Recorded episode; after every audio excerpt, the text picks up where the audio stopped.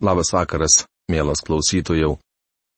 Šiandien mes toliau keliausime Senojo testamento puslapiais, nagrinėdami Jobo knygą. Primenu, kad praėjusioje laidoje pradėjome nagrinėti 26-31 skyrius, kurių tema - aštuntasis Jobo atsakymas. Mes su jumis pažvelgėme į potėmę Jobas smerkia nedorėlius ir pradėjome nagrinėti poemą apie sukūrimą, kuri yra užrašyta nuo 28 skyriaus.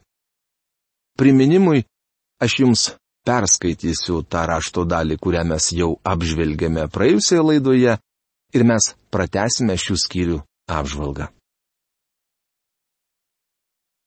Juk yra sidabro kasyklų ir vietų auksui plauti. Geležis išplaunama iš žemės, o varis sodrinamas iš rūdos, Žmonės įveikia tamsą ir kasa žemės gelmėse rūdą niurioje tamsoje. Įrengia kasyklas toli nuo gyvenvietės. Tuo keliu nekeliauja niekas, toli nuo žmonių jie darbuojasi, kybodami ant virvių. Žemės, iš kurios ateina duona, gelmės tarsi ugnies nuniokotos. Jos akmenyse slypi safyrai, o dulkės turi aukso kelio į ten nežino joks plėšrus paukštis, sakalo akis jo nėra mačiusi. Išdidus žvėris nėra per jį minę takų, liūtas nėra jo vaikščiojas. Žmogus susidoroja su titnagu, išgreuna kalnus iš pamatų, prakerta tunelius uolose. Jo akis pastebi visą, kas brangu, ištiria upių šaltinius, visokias paslaptis išsiaiškina. Bet iš kur ateina išmintis? Kur slypi suvokimo gale. Kaip žmogui rasti ją kelią, jei gyvųjų krašte jos nėra. Bedugnė sako, čia jos nėra, jūra sako, aš jos neturiu. Už sidabro jos negalima nupirkti. Jos kainos sidabru negalima pasverti, ji neįperkama nei už auksą iš ofyro, nei už brangiuosius oniksus, nei už safyrus. Auksas ir stiklas jai neprilyksta, nei į auksinius indus jį neišmainoma. Koralo ir krištolo neverta nei minėti, nes išminties kaina viršyje net perlus. Etijopijos topazas negali su ją lygintis, net griniausių auksų negalima jos atsverti. Tad iš kur ateina išmintis, kur supratimo buveinė? Nuo visų gyvųjų akių jį uždengta, nuo padangių paukščių jį paslėpta. Prapultis ir mirtis sako, savo ausimis tik gandą apie ją te girdėjome. Vien Dievas kelia į ją te žino, tik Jis te žino jos buveinę, juk Jis mato žemės pakraščius ir stebi visą po dangumi. Kai Jis davė vėjams jėgą ir padalijo vandenims pagal saiką, kai davė lietui įstatus ir nustatė kelią per kūnijai, tada Jis matė ją ir jos vertę, ištyrė ją ir davė jai vietą. O žmogui jis tarė, tikėk manimi. Pagarbi viešpaties baimė yra išmintis, o vengimas pikta - protas. Tada Jobas toliau tęsė savo kalbą ir sakė, o kad būčiau kaip kadaise praėjusiais mėnesiais, kaip dienomis, kai Dievas mane globojo, kai švietė jo žibintas virš mano galvos ir jo šviesoje ėjau per tamsą, kai buvo mano žydėjimo dienos ir Dievas saugojo mano palapinę kai visagalis dar buvo su manimi ir mano vaikai dar supo mane, kai mano kojos būdavo plaunamos piene ir iš uolos tekėjo aliejaus rovis. Kai eidavau pro miesto vartus, užimti savo vietos aikštėje, jauni vyrai pamatę mane duodavo kelią, o senieji pakilę stovėdavo. Kilmingieji liaudavosi kalbėję, rankomis užsimdavo burnas. Didžiūnai pritildavo, liežuviai lipdavo jiems prie gomurio. Išgirdę apie mane žmonės mane laimino, mane pamatę žmonės mane gyrė, nes gelbėjau vargdienį, kuris šaukėsi pagalbos, ir našlaitį, neturinti, kas jam padėtų. Mirdami žmonės mane laimino, aš džiuginau našlės širdį. Teisumu vilkėjau ir jis mane gaubė, teisingumas buvo mano apseustas ir turbanas. Tapau aklojo akimis ir luošojo kojomis. Beturčiai buvau tėvas, Nepažįstamo žmogaus teisės gyniau teisme. Nedoram žmogui iltis nudaužiau. priverčiau jį grobį iš nasrų paleisti.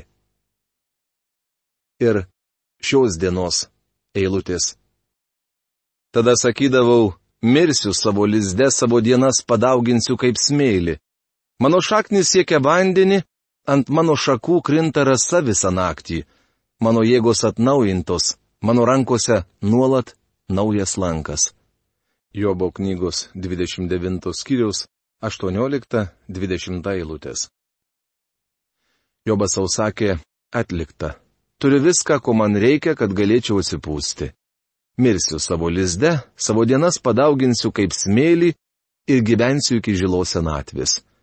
Patikėkit, jis manėsi turės viską, ko jam reikia. Jobas turėjo nuostabę šeimą ir buvo sveikas kaip ridikas, jam nič nieko netrūko. Žmonės klausydavosi manęs ir laukdavo, tylėdami priimdavo, kai jiems patardavau. Man baigus kalbėti, jie neturėdavo ką sakyti. Tarsi rasos lašai krizdavo ant jų mano žodis. Jie laukdavo manęs kaip lietaus, tarsi vėlyvuosius lietus gerė mano žodžius. Jobo knygos 29 skiriaus 21 23 eilutės. Žmonės eidavo pas jį patarimo. Prieš ką nors nuspręsdami jie išklausydavo Jobo nuomonės. Su juo tardavosi šalies valdytojas ir aukščiausiasis teismas. Būkit tikri, Jobas buvo nepaprastai žymus ir įtakingas vyras. Žmonės gaudydavo kiekvieną jo žodį. Šypsodavausi jiems ir kai netekdavo pasitikėjimo savimi, mano veido šypsena jiems suteikdavo jėgų. Buvau jų vadas ir rodžiau jiems kelią, Vedžiau juos kaip karalius savo karinės pajėgas ir guodžiau liūdinčius. Jobo knygos 29 skyriaus 24-25 eilutės. Jobas buvo be galo reikšminga, įtakinga, turtinga ir visų gerbiama asmenybė. Jis buvo plutokratas ir pramonės magnatas, šiandieninės žmonijos idealas. Jobas gerai gyveno, jis žinojo, kas yra absoliuti gerovė. Tačiau Jobas gyveno pelenės pasaulyje. Laikrodžiui išmušus dvylika, jo karieta virto moliūgų. Prisiminkite, ką jis sakė trečiame skyriuje. Ko tik bijau, tas mane pasivėja ir ko tik vengiu, tai mane ištinka. Neturiu nei ramybės, nei paliovos, nei atvangos, nes užgriuvo kančia. Ant jo lizdo nukrito bomba. Kažko panašaus Jobas ir bijojo. Jis baiminosi, kad visas materialus turtas akimirksniu gali būti iš jo atimtas. Taip ir įvyko. Neliko nieko, į ką jis galėtų remtis. Net draugai nesušvelnino jo nuopolio. Trijulė uoliai prisidėjo prie to, kad Jobo nuopolis būtų dar skaudesnis. Jobas vilkėjo savo teisumu. Dar sėki paklausykite, ką jis sako keturioliktoje eilutėje.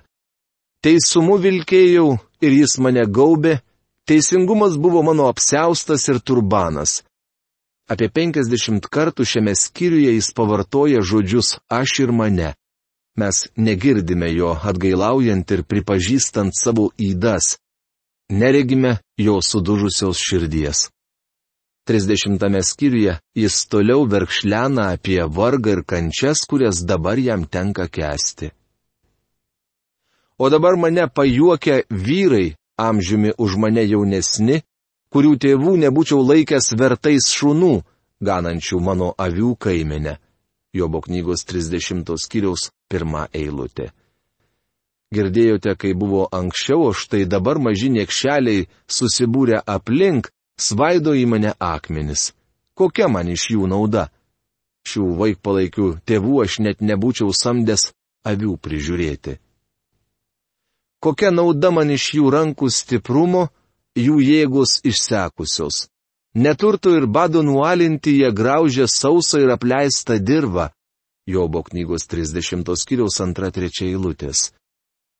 Jobas toliau tyčiojasi iš niekšų, kurie jam nenaudingi.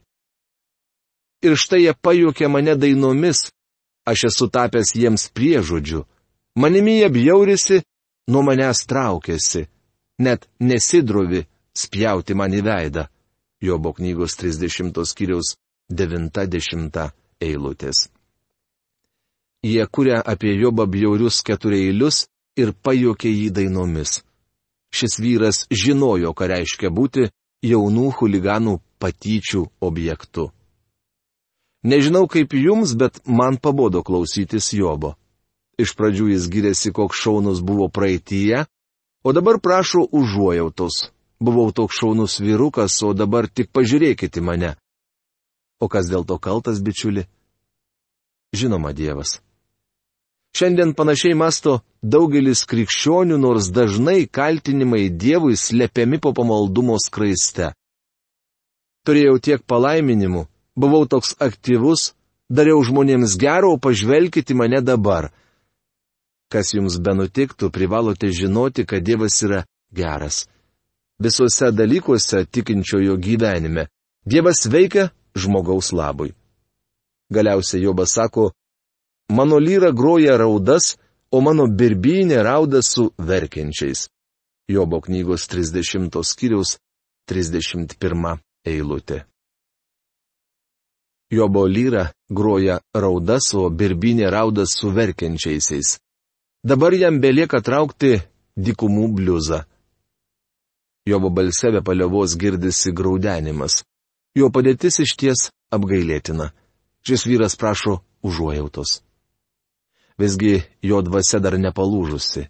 Jobas išdidus žmogus. Jis teisinasi, užuot laikęs teisių Dievą. Iš tikrųjų jis kaltina Dievą. Kokia Jobo problema? Išdidumas. Dėl tos pačios priežasties krito šitonas. Išdidumas buvo ir pirmųjų žmonių nuodėmė Edeno sude. Ši blogybė tarsi vežys įsijėda į žmogaus širdį baisi išdidumo nuodėmė tūno mūsų visų širdyse. Jobas baigė savo ginamąją kalbą. 31 skyriuje Jobas baigė savo ilgą ginamąją kalbą. Tai buvo išties inirtinga kova. Trys Jobo draugai mėgino jį parblokšti, priversti prisipažinti, kad jis yra padaręs didelę nuodėmę. Kaip matėme, jie samprotavo, jog Dievas nebūtų Jobui leidęs taip kentėti, jei šis nebūtų baisiai nusidėjęs. Po trijų inirtingų raundų trijulė pasidavė. Tai akivaizdu, nes Cofaras net nesiteikė Jobui atsakyti.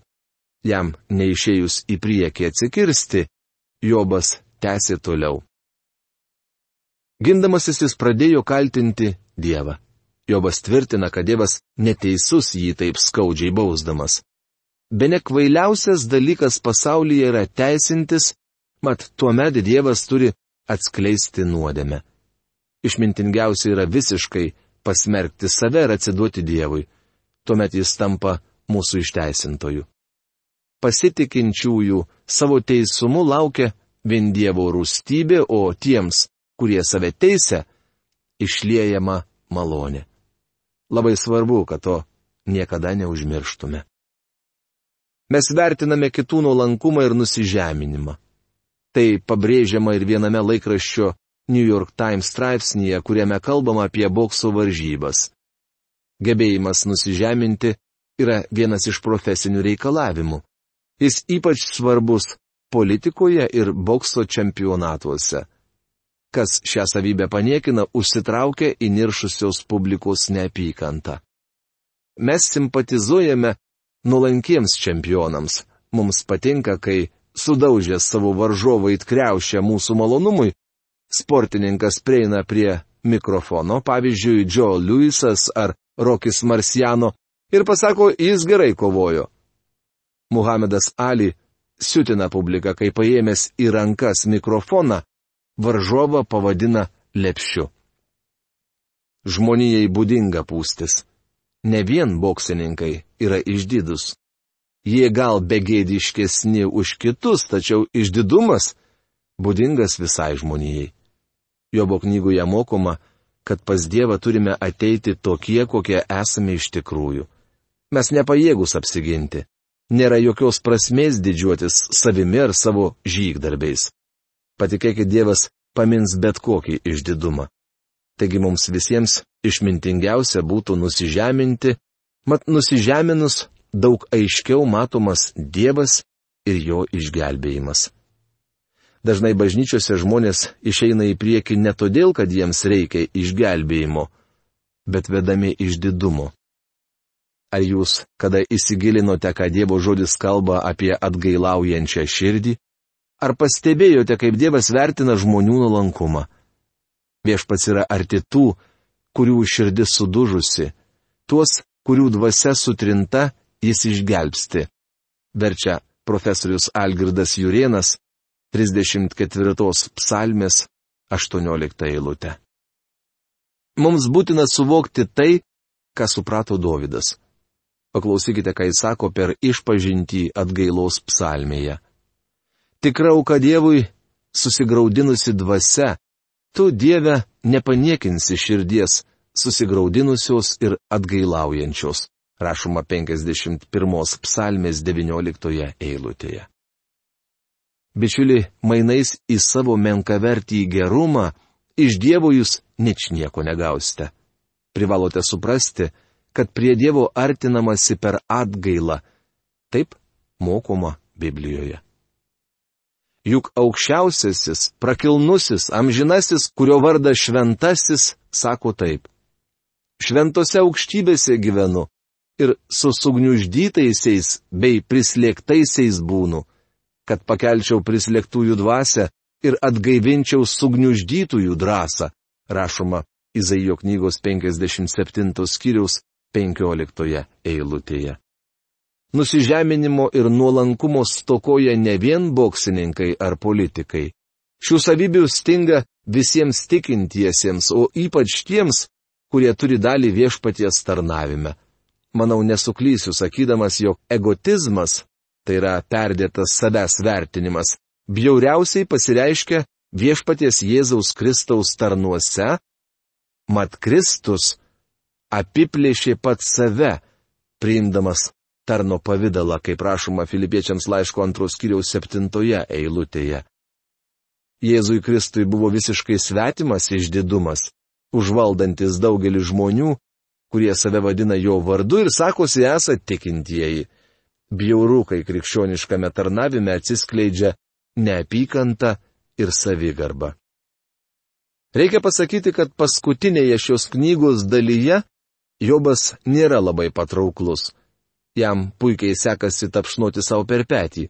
Šis vyras pasipasakojo, koks kitados buvo šaunus, įtakingas ir geras, o vėliau vėl ėmė graudenti, prašydamas užuojautos. Baigdamas savo pasisakymą, jis vis dar tvirtina, jog yra puikus vyrukas. Sudariau sandūrą su savo akimis, kad gašliai nepažvelgsiu į mergelę, Jobo knygos 31 skyriaus pirmą eilutę.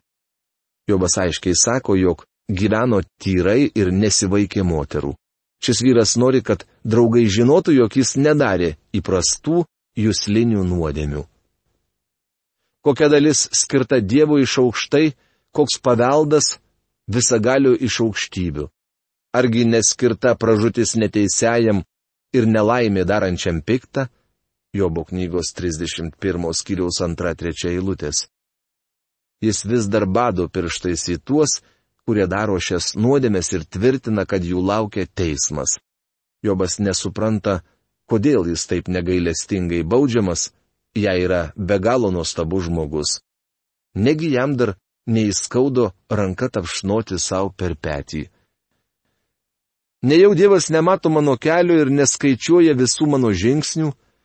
Jeigu ėjau draugė su melu ir mano kojos skubinosi į apgaulę, te pasveria mane teisingomis varstyklėmis ir te sužino Dievas apie mano dorumą.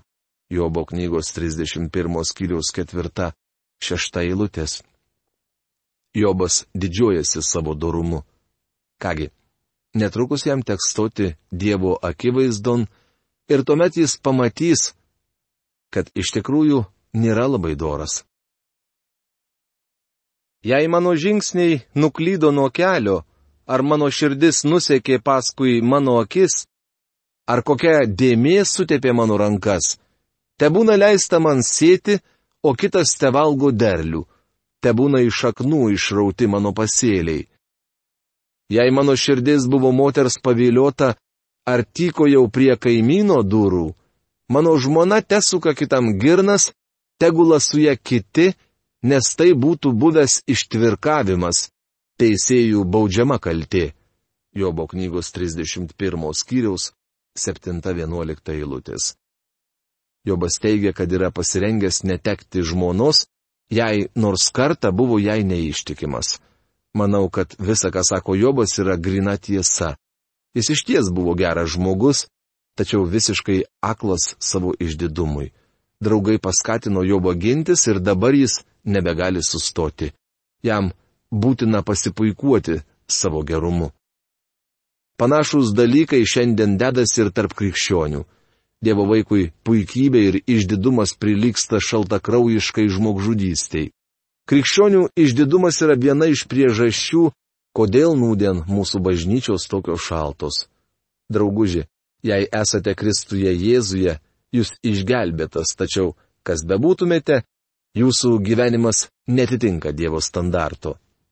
Mano taipogi.